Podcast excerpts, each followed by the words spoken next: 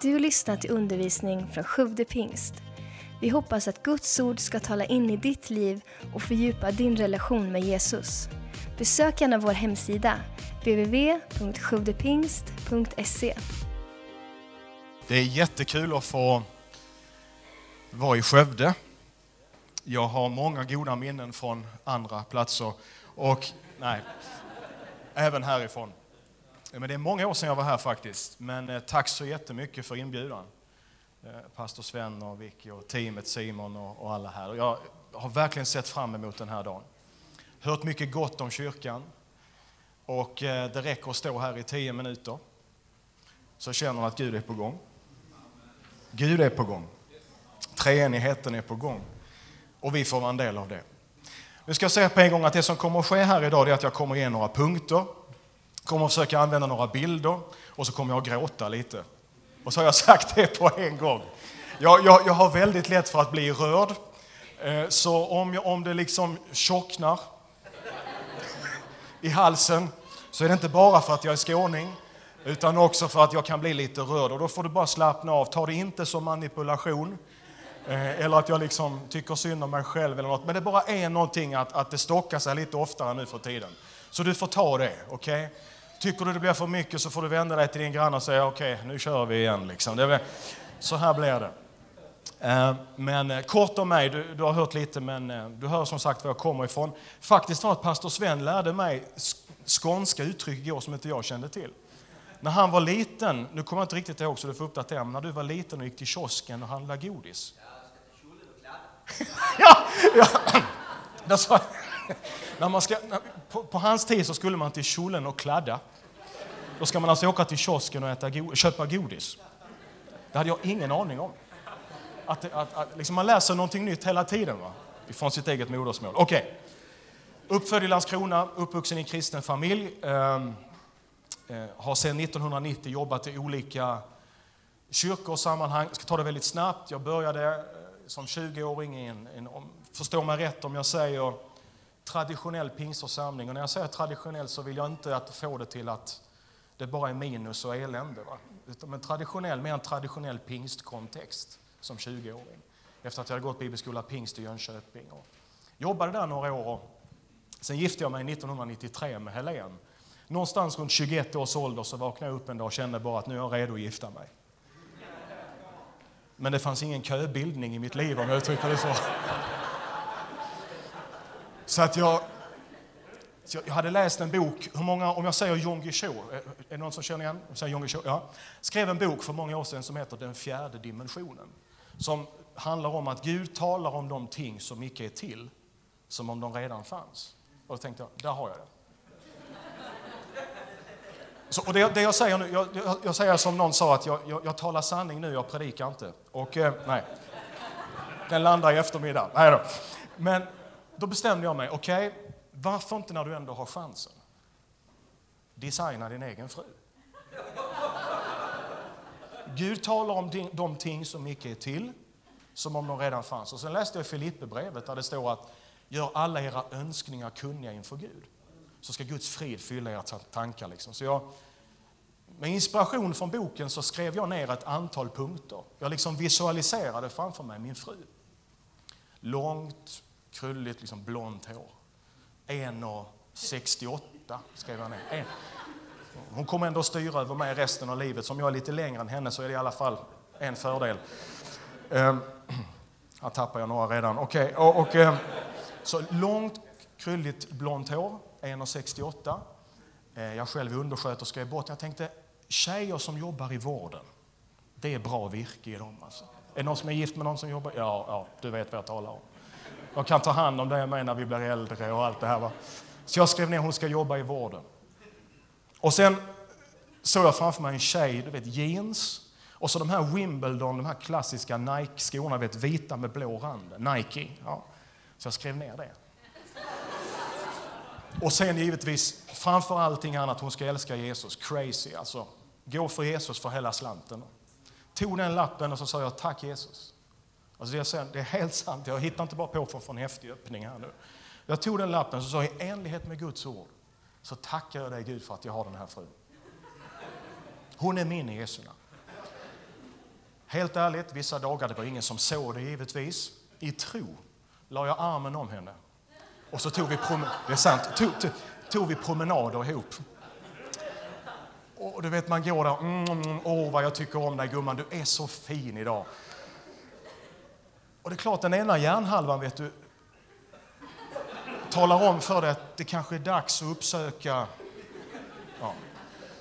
Den andra hjärnhalvan säger, kom igen. Den fjärde dimensionen. Gud talar om ting som inte finns, som om de redan fanns. Fortsätt. Alltså, eh, vad ska man säga? Eh, precis som vissa har gjort, upptäck nya områden. Upptäck nya dimensioner. Låt inte Gud vara i din lilla box, Rickard, utan liksom sträck dig vidare, sträck dig längre. Så jag höll fast vid det där. Och dagen kom och hade jag, vilket jag inte har nu, men ett foto, så skulle du se att det var, det var långt, blont, krulligt hår. Det var jeans, dock inte de Nike-skorna. Men jag tänkte, ah, strunt samma. Helene hon jobbade, när jag träffade henne, på våning 11 på sjukhuset i Kristianstad. Eh, tog hand om barnen som, som kom upp från BB. Jobbade, jobbat här många år när vi träffades. Älskar Jesus. Alltså, vad jag vill säga, det lönar sig att tro på Gud. Det, det lönar sig att ta steg i tro. Att som församling säga tack Gud för det här, men vi sträcker oss längre nu. Vi, vi ser något framför oss. Vi visualiserar i enlighet med, med Guds vilja och Guds ord. Vi visualiserar, vi sträcker oss. Vi är tacksamma för det vi har, men vi vill vidare. Så vi gifte oss 93 år. Ehm, vi har familj, vi har tre barn. Eh, den äldste heter David, han blir 20 år i höst, han bor i Uppsala. Flyttade upp där för, för något år sedan och sen ungefär sex år tillbaka så blev vi familjehem. Så vi har två stycken härliga kottar hemma hos oss. Vilma som växer upp hos oss, som kom till oss när hon var sju veckor. Helena och jag vi stod utanför vårt hus och David var 14 vid det läget. Och jourhemmet som hade haft Vilma hade liksom tidspress så de var tvungna att åka ganska snabbt. Så jag glömmer det aldrig. Helena och jag vi stod utanför vårt hus och så kommer den här bilen och öppnar dörren och tar ut vet, bebisarna som sitter i sån här bilstol. Ställde hon den framför oss med Vilma i och så sa hon lycka till och så drog hon. För det, så det var inget negativt, det var bara hon var under tidspress. Och jag glömmer aldrig Helene och jag, vi, vi tittar på Vilma och jag, jaha, hur var det nu med blöjor? Välling och allt det här. Så då satte det igång igen. Och sen en, en tid därefter så kände vi att okej, okay, vi, vi, vi kan ge lite till. Så att om Gud vill och om det öppnar sig på rätt sätt och så kan vi ta en till. Och lång historia kort, de ringde oss på en och en halv månads varsel och så sa de nu är det dags snart, kan ni tänka er? Och så blev det. Så när John var två timmar gammal så ringde man från, från eh, sjukhuset och Helena åkte dit in. Och eh, lite tuff start för honom, men idag är han på G. Om jag säger på G. Eh, och de här båda håller oss igång. Så kan man säga. Men det är vårt liv, det är vår familj just nu. Och som du hörde, jag har rest de senaste åren. Men jag har jobbat i tre olika kontexter. Mer etablerad pingstförsamling, och så gick jag över i en mer pionjärsättning och jobbade med det. Började om från scratch, ingen lön, eh, du vet, inga egentligen synliga förutsättningar utan upp, kavla upp ärmarna och jobba på och eh, jobbade i en församling som då hette Skåne Karisma Center i Hör. Och sen flyttade vi till Stockholm och gick in i det som skulle bli den tredje stora erfarenheten. Eh, att gå med i en församling som liksom växer och utvecklas och inflytande både i landet och liksom Europa och världen. Och, och, och tyvärr får se att ett sådant sammanhang inte längre finns idag. Eh, jag vill vara väldigt öppen med det. Och många orsaker till det, men, men man kan säga att de här tre sättningarna har jag med mig när jag talar idag, tror jag. Mer eller mindre medvetet, omedvetet. Det har präglat mig. Eh, inte till att bli ett offer, inte till att bli en som jag hoppas slår ner på takten och tror Gud om mindre. Men du vet att vi kan välja att ta erfarenheter, använda dem. Alla vi har erfarenheter som sitter här idag. Du bär med dig erfarenheter, jag har med mig. Våra liv ser olika ut. Våra, vår vecka bakåt ser olika ut. Du kanske sitter här och bara känner wow, den bästa veckan i mitt liv har varit. Va? Någon annan sitter här bara, tack gode Gud att den är över. Så vi, så vi sitter här med de liven som blev våra, så att säga. Vi kan hämta ifrån det och så kan vi rikta in siktet på den här kick-offen. Och så säger vi Gud, vi vill vara en församling. Vi är en församling som är på väg. Vi, vi sträcker oss framåt. Va? Ta tillvara allt det vi har varit med om. Plus och minus, utropstecken, frågetecken. Ta med oss allt det och så använder vi det för Guds rike i Jesu namn. Så, det var en kort presentation. Det räcker det så? Behöver du tolkning nu så hoppas jag vi har ordnat det på något sätt, för det blir inte bättre än så här. Okej, okay? jag, jag ber om ursäkt. Kommer smörjelsen starkt idag så kommer jag börja predika på danska. Så det är upp till dig, nivån idag. Nej, jag bara... Okej, okay, det var redan någon som gick ut och tog kaffe. Okej. Okay. Okej. Så här kommer det att bli idag. All right. Eh, jag vill försöka röra mig, om vi ska liksom kontextualisera det här idag. Förhoppningsvis ska jag försöka säga något som väcker någonting, inspirerar, lyfter, motiverar, kanske lite utmanar också, vad vet jag. Men jag vill att vi har den här bilden att det jag talar om idag, eh, det finns en, det kommer inte upp på skärmen men jag bara refererar till det, det finns en, en, en, en återgivning i Bibeln som ofta återkommer till i Markus 2. I Markus 2 så är det fyra män som bär på en lam man fram till Jesus. Belöningen för deras arbete är att Jesus gör ett under. Jag brukar ofta återkomma till den berättelsen för jag tycker att den ger en bra hint om vad som är Guds ansvar och vad som är vårt ansvar. Och jag, jag, vill att du har med dig den bilden idag och jag kommer röra mig mer i, inte vad Gud vill göra. Förstår man rätt nu?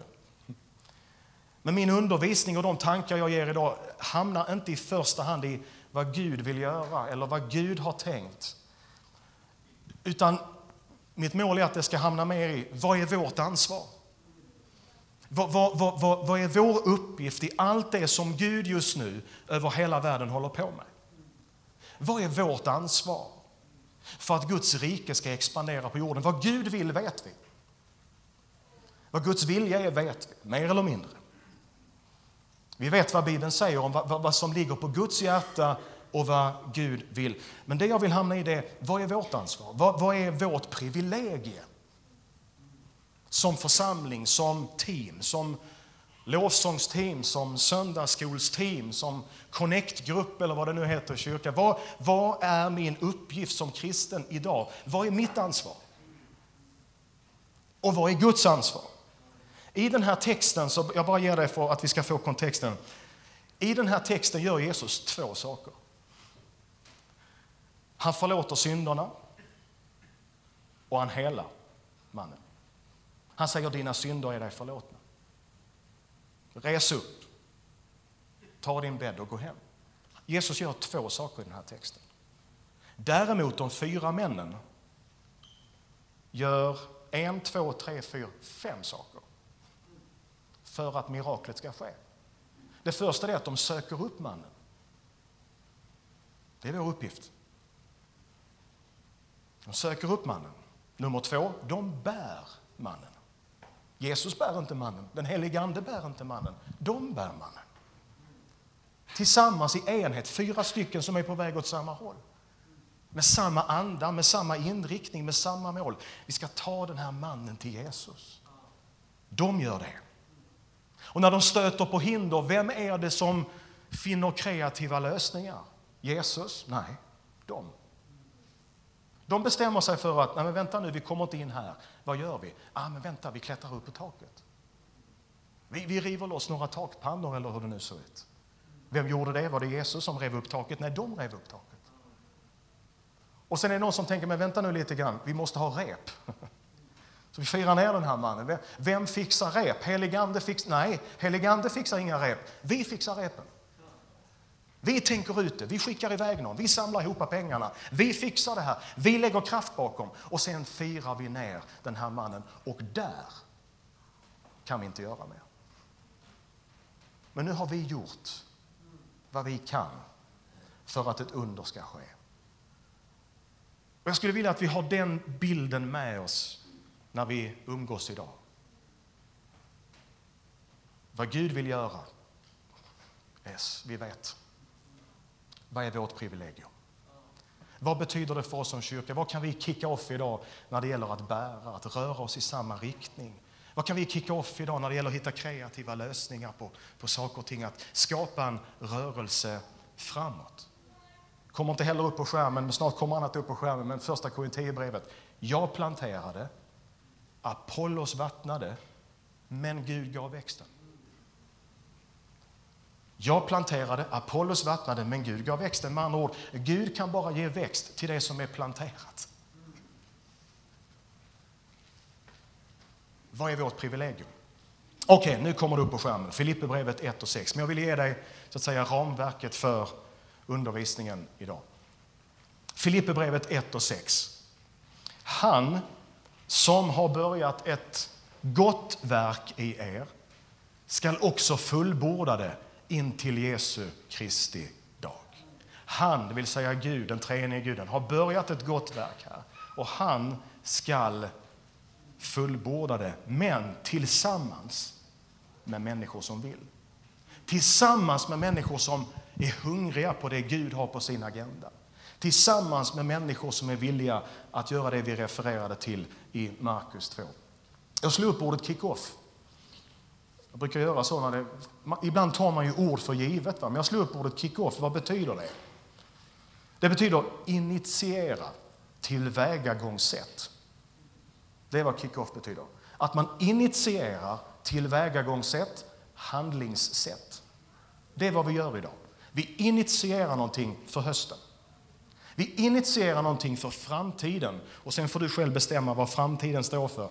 Men vi initierar någonting, vi har en kick-off idag tillsammans. Kick-off betyder början utav någonting. Idag är vi i början av en höst, vi är i början av en ny termin, början av en ny säsong. Och början är inte oviktig. Början på någonting är inte oviktig.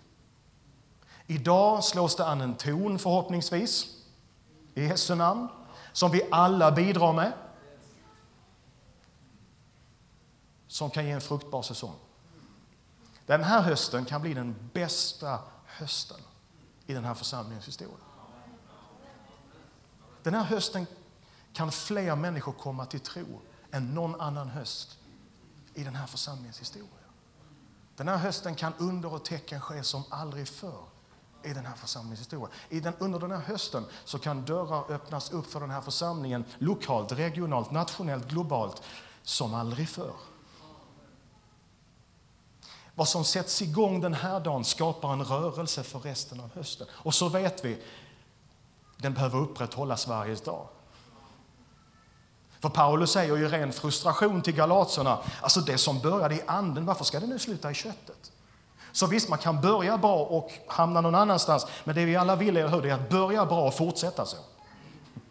Att bibehålla den rörelsen. Men början är inte oviktig, så jag har fyra frå eh, tre frågor. Och här är en pamflett av färger. Nu blir det beslutsånget. Vilket syns bäst? Tack ni som har satt i ordning detta. Svart. Precis. Man ser så smal ut i svart. Du kan inte tro att jag är en dag äldre än 45, eller hur? Nej, tack. Det är jag inte heller. Jag jobbar på att se ung ut, okej. Okay. Här är första frågan med tanke på vad vi vill starta, vad vi vill kicka off. Det låter lite märkligt att säga så. Nummer ett. Vad? Jag ställer den frågan. Vad vill du kicka off den här hösten? Jag kommer tillbaka till den här sen, men jag låter den ligga. Därför att det här har att göra med mål. Vi skulle kunna sätta vision. Vad vill du börja från och med idag? I ditt liv, i ditt team, i din familj, i din business. Du kan applicera det var du vill. Men vad? Fråga nummer två. Hur vill du börja? Med början idag. För början är inte oviktig. Hur vill du börja? Hur vill vi börja? Och då har vi ett annat ord som är attityd. Hur vill vi börja den här hösten? Hur vill vi fortsätta den här hösten. Vad, hur och det tredje som vi ska komma tillbaka till sen. Med vem? Och då är det ett ord som är relationer. De här tre orden tror jag sätter an tonen för en bra kick-off. För början är inte oviktig. Så hur vi börjar avgör hur vi fortsätter. Och det har det att göra med attityd, mål och relationer. Det sitter inom oss. Det kommer ut praktiskt i ett görande. Och Gud har kallat sin församling som ett kollektiv att stå tillsammans i relation och få se det ske. Men början ser olika ut för olika personer. Tar du till exempel och intervjuar en barnmorska och frågar henne om hur är början egentligen? Då skulle hon säga det är skrikigt, det är kladdigt, det är messy som vi säger på engelska. Men det föds liv. Det är, det är kanske kaos. Liksom allt är inte liksom, jag gillar ordning, jag är kontrollfreak, jag erkänner det. Men du vet, när ett barn föds så tror jag jag vågar påstå att det är inte liksom så här. Allt ligger på sin plats. Och, och där var inandningen och där var utandningen. Plopp, och där kom det. va. Utan det är liksom kaos, men det föds liv. Och så längtar jag efter att få vara i församling också. Det gör inget om det är lite kaos, det gör inget om det är lite rörigt. Men bara det föds liv. Amen. Och eh, kom ihåg när David föddes på Lunds lasarett. Det drog ut på tiden. Och då fanns det ett tv-rum. kommer nästa bekännelse. Det fanns ett tv-rum. Helen hon låg där inne och försökte krysta bäst hon kunde. Jag bara kände, dra ut på tiden. Det är segt det här, vet du. Så, Kom igen älskling, kan du inte... Nej, det hände ingenting. Och vet du, på den tiden fanns det ett välsignat program som hette Tips Extra. Hur många kommer ihåg Tips Extra? Engelsk liga fotboll. Ja? Och den lördag eftermiddagen var det engelsk liga fotboll på tv. Så jag bara tänkte, det händer ändå ingenting. Det, är ingen, det händer inget här inne. Med Helene alltså. Så jag tänkte, jag, jag tittar lite på fotboll istället. Nu, jag erkänner, jag glömmer. Min fru, jag, jag, jag, glömmer att det är något på gång där inne. Jag blir så helt upptagen av matchen. Jag överdriver inte, jag sitter och tittar på matchen och bara, kom igen. Oh. Ett, tu, tre kommer sån där sjuksköterska in av den kategorin av sjuksköterskor som skapar mer fruktan i dig. En, det är en sån sjuksköterska som du inte vill se kommer med en spruta i handen, så kan jag uttrycka det. Och, och eh, hon spänner ögonen i mig och så säger hon så här. Du, sa hon, din fru behöver dig där inne nu, så nu är du snäll och går dit in. Så. Ja, just det. Ja. Det är pinsamt. Jag vet inte hur matchen slutar, men det är min erfarenhet av BB. Men det var rörigt. Det var kladdigt, men liv föddes. Skulle du fråga Thomas Edison som uppfann glödlampan, Thomas, hur var början? Då skulle han säga misslyckande. Bara ett enda fett misslyckande. Ja, men hur, hur var det sen då? Misslyckande. Och när du har ställt den frågan tusen gånger och fått samma svar så börjar du undra, hände det någonting där egentligen? Ja, för när du frågar den tusende första gången så säger han, då hände det. Men början andades lite motgång. Skulle du fråga Michael Jordan som är basketbollspelare, Michael, hur var din början? Då skulle han säga, jag gick upp på mitt rum och grät. För jag blev, jag blev sparkad från basketbollaget i high school. Jag höll inte måttet, jag fick inte vara med. Så de sa, du, du platsar inte här, du kan inte lira basket. Det var min början. Sen blev han NBA-mästare sex, sju gånger och tror fyra gånger All-star-mästare i basketboll. Men hans början, den var inte oviktig. Det, men det hände någonting där, men det andades inte direkt utropstecken. Einstein. Om Einstein sa man, han kommer inte att uträtta mycket. Det sa lärarna på hans skola. När man tittade på Einstein så var hans början att omgivningen sa att han kommer inte att göra så värst mycket. Det står om Einstein att när han var fyra år så kunde han knappt prata. Einstein, vet vi, nobelpristagare, han, han var ett geni utan dess like. Men början för honom var lite Knöklig Walt Disney, han fick sparken ifrån en tidningsredaktion. Vet du vad? Med argumentet saknar fantasi. Det var hans början. Början är inte oviktig, men det handlar om attityd. Det finns en man som jag inte har läst en enda bok utav, han heter Dr. Seuss om man uttrycker det rätt. Han har skrivit över 45 barnböcker. I de engelsktalande länderna säger man att det finns ingen som har sålt så många böcker som han. Om du skulle sätta dig ner och ta en kaffe latte med honom och säga Hur var din första bok? Då skulle han säga Jag fick nej från 27 bokförlag. 27 stycken sa ingenting att ha. 27 stycken, det var min början. Men början är inte oviktig. För det som händer i början sätter tonen för det som kommer sen. Om det är en positiv början eller en negativ början. Vad det handlar om är vilken attityd har jag, vad är det jag ser och vilka kopplar jag med? För det är inte oviktigt i början. Här kommer nästa bibelord, Sakarja 4 och 10. Ty vem vill förakta den ringa begynnelsens dag? Bibelns råd är förakta inte det som håller på att växa fram. När du sitter med en människa som delar en vision, en dröm, när du möter någon någonstans som delar någonting i ditt team, du får kanske en konstig idé och du bara känner, är det här verkligen Gud? Förakta det inte. Ta inte lätt på det. Var noga med att vi inte liksom talar ner och boxar in liksom har en attityd som inte är bra. Utan Bibeln säger förakta inte den ringa begynnelsen därför att allting har en början. Och det är väldigt sårbart i början, eller hur? Du vet när ett barn föds till världen, om jag får återkomma dit. När ett barn föds till världen, du liksom går inte omkring med det så här, utan du, du, du vårdar det, du, du, du liksom skyddar det därför att det är ömtåligt när nytt liv har kommit till världen. Och de senaste dagarnas bilder får oss att se mm. En pojke som ligger på en strand. Saknade en famn, saknar beskydd, saknar en omgivning som lyfte och övergiven istället. Förakta inte början när någon kommer in och säger jag har mött Jesus och du tycker det när du ser på dem. Vad, vad är det för en... Nej, förakta inte ringa begynnelsen. Förakta inte när pastor Sven kommer och säger jag tror jag har hört ifrån Gud. Och det jag nu ska säga det låter kanske, men, men, men för, förakta det inte.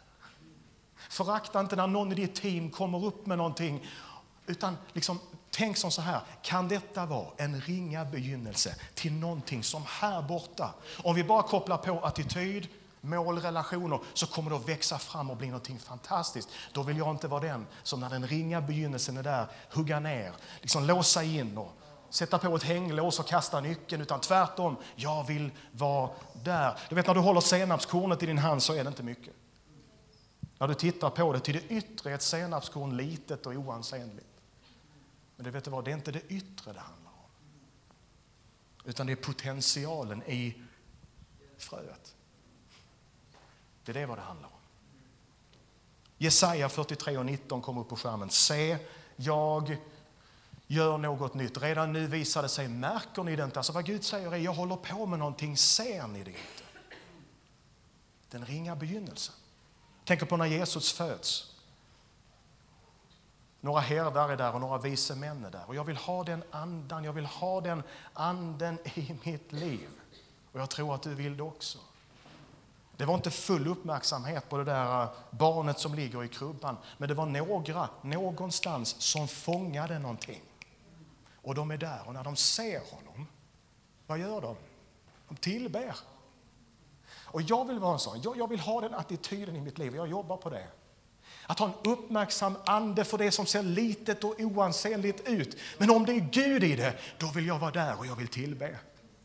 Jag vill vara där och koppla på och se Gud, du håller på med någonting fantastiskt. Det ser inte mycket ut nu, men det finns potential i det, för din ande är i det. En vaken ande som kopplar på. När han går fram där vid Galileiska sjön och säger kom och följ mig. Det var en ringa begynnelse. Tolv stycken som i vår tid har, vad är vi nu, två miljarder. Det börjar med tolv. Kom och följ mig Petrus. Vill du det? Andreas kom. Jag har något annat för dig. Och då står det att de lämnade sina nät och följde honom. Jag tänker en sån här dag utmanas vi tror jag på ett eller annat sätt. Vad är det jag står med för nät i mina händer som Gud bara säger, Rickard ska du inte ta och släppa det där? Ja, men det är mitt. Så här tycker jag, eller det här är hur jag vill att det ska gå till, eller det här är mina mål. Och så säger Gud, okej okay, jag respekterar det, men om du släpper de näten så finns det någonting större som väntar. Förakta inte den ringa begynnelsen. Den första församlingen, 120 stycken plus kvinnor och barn. Bibeln säger alla var där. Anden faller. På ett sätt ringa begynnelse, 120 stycken plus. Och sen går det igång en rörelse som vi lever i än idag. Så början är viktig. Hur vill du starta? Attityden. Du vet, attityden det är ju det är vår inre hållning som får ett yttre uttryck. Det är vad vi bär inom oss. Jesus säger, munnen säger vad hjärtat är fullt av. Eller hur? Och du, vet, du kan ha de bästa förutsättningarna, du kan ha det bästa teamet. Om vi tar hela idrottsvärlden, du kan ha de bästa fotbollsspelarna. Men med en fel attityd så hjälper det inte. Därför att attityden avgör. Gud kan tala in i våra liv och Gud kan säga saker. Men om jag inte har en rätt attityd till Gud så spelar det ingen roll. Därför att min attityd på något sätt styr förutsättningarna. Så en kick-off som den här så kan vi bestämma oss för att hmm, ska ha rätt attityd till Gud. Vi ska tro Gud. Sen ska vi ha en rätt attityd till varandra. Vi ska tro stort om varandra. Vi ska, ska uppmuntra varandra. Vi ska hjälpa varandra. Vi ska inspirera varandra. Vi ska locka varandra den här hösten till att gå med Gud. För attityden avgör. Vet en morgon när jag kom in till Vilma, tidig morgon, kom in till Vilma slår hon upp armarna i luften så här och så säger hon pappa, sa hon. Det här kommer att bli en underbar dag. Halv fem på morgonen. Du har något över ditt liv som jag inte har. Och eh, pappa, det kommer att bli en underbar dag. Attityd. Attityden påverkar. Jag satt i ett sammanhang med, med ett, ett ledarteam. Efteråt tog pastorn mig åt sidan och så sa han, alltså den, den bästa pastor du kan tänka sig. Det finns ingen mer godhjärtad. Jag säga, han, han, han ser något gott i vår själafiende också. Men alltså, så god är han. Han är så godhjärtad. Sa han så här. Oh, sa han. Det är jobbigt att behöva säga det här, sa han. Men det var på ett sätt skönt att inte den där personen var här idag på det här, det här mötet, sa han. Därför att hade den personen varit på det här mötet hade alla de andra bara pssst. Får man lov att säga så? så? Är det fel att säga så? Men jag säger ju så, sa han. Därför att hade den personen varit där, då hade alla krympt. Och då hade inte blivit någonting av samtal. Det hade inte blivit någon dialog. Det hade inte blivit någon kreativ liksom, miljö. För alla hade bara, liksom, luften hade gått ur. Så sa han, är det fel att säga så? Nej, så jag tror inte det. Därför att attityden är viktig. Attityden påverkar. Så går luften ur människor när de möter dig eller går luften att säga, in? Viktigt i en kyrka. Viktigt att det får slå an tonen för hösten. Att i vår församling så vill vi ha goda attityder. Jag säger inte att vi ska vara perfekta, för ingen av oss är det. Men vi kan alla be den helige Ande om. Helige Ande, hjälp mig att ha en god attityd. Alltså, jag ber den här bönen själv. Hjälp mig att ha en god attityd till de människor jag inte begriper mig på. Hjälp mig att ha en god attityd till de som inte har samma personkemi som jag.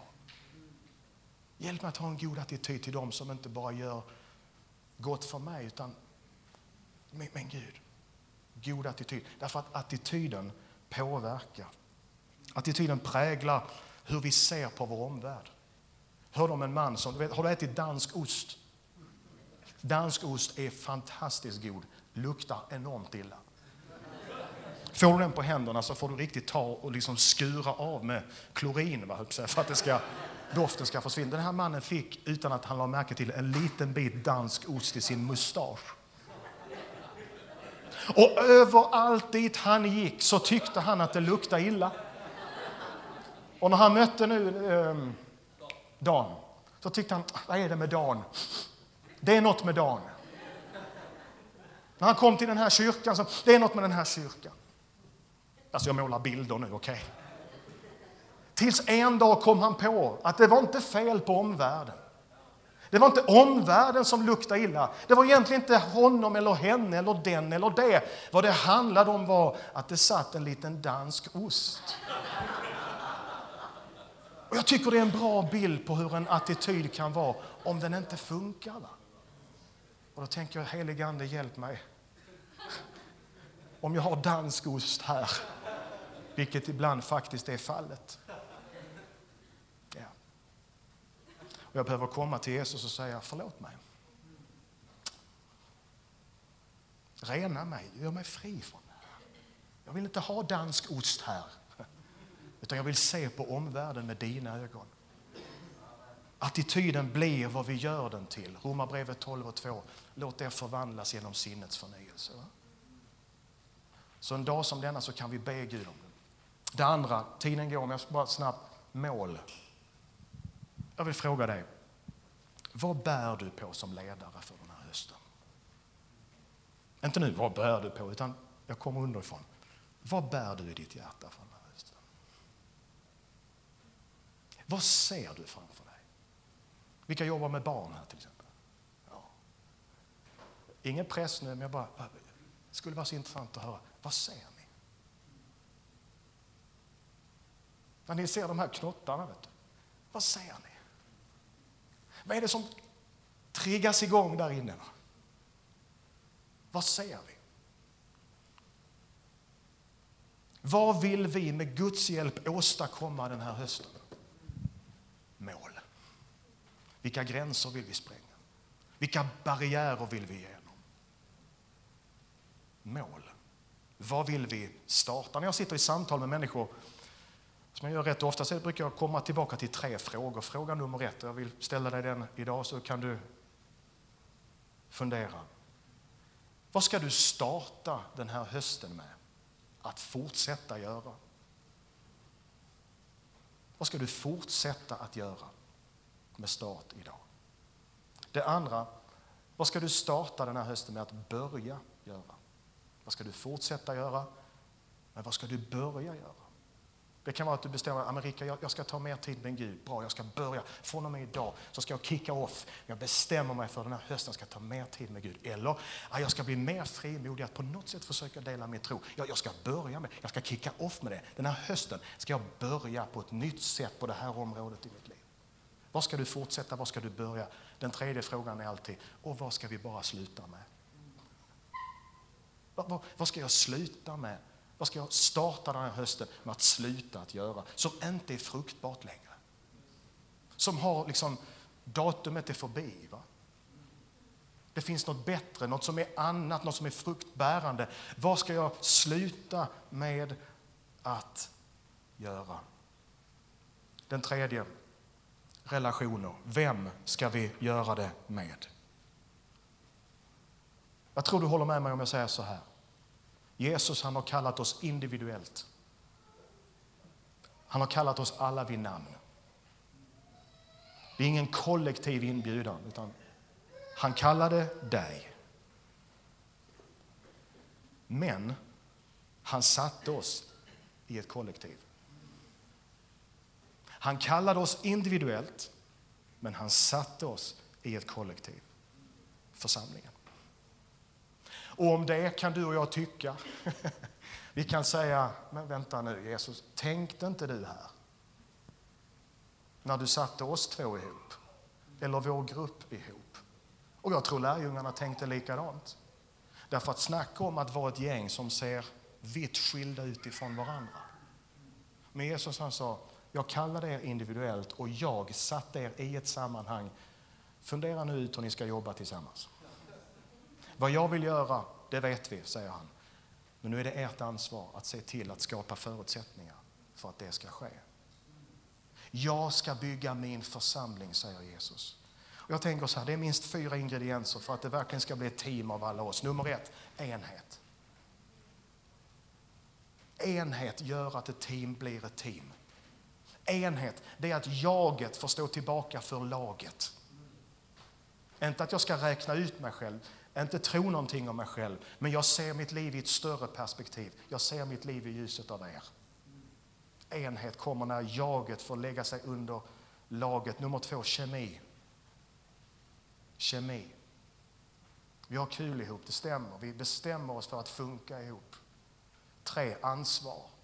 Var och en av oss tar seriöst på den uppgiften vi har fått. De uppgifterna vi har. Vi gör det helhjärtat. Tre, fyra mål. Vi är på väg åt samma håll. De här fyra männen sprang inte åt varsitt håll. Stackars man i så fall. En drar i armen åt det hållet, en drar i benet åt det hållet. Men den helige Ande säger att vi ska gå hit. Nej, någonstans kom de fram till vi ska dit. Samma rörelse. Och så nu bär vi tillsammans. Alla bär. Alla bär bördan. Samma passion, samma mål, samma enhet. Det fanns en kemi emellan dem. Den här mannen behöver bli räddad. Tack för att du lyssnat. Glöm inte att du alltid är välkommen till vår kyrka. Du hittar mer info på www.sjuvdepingst.se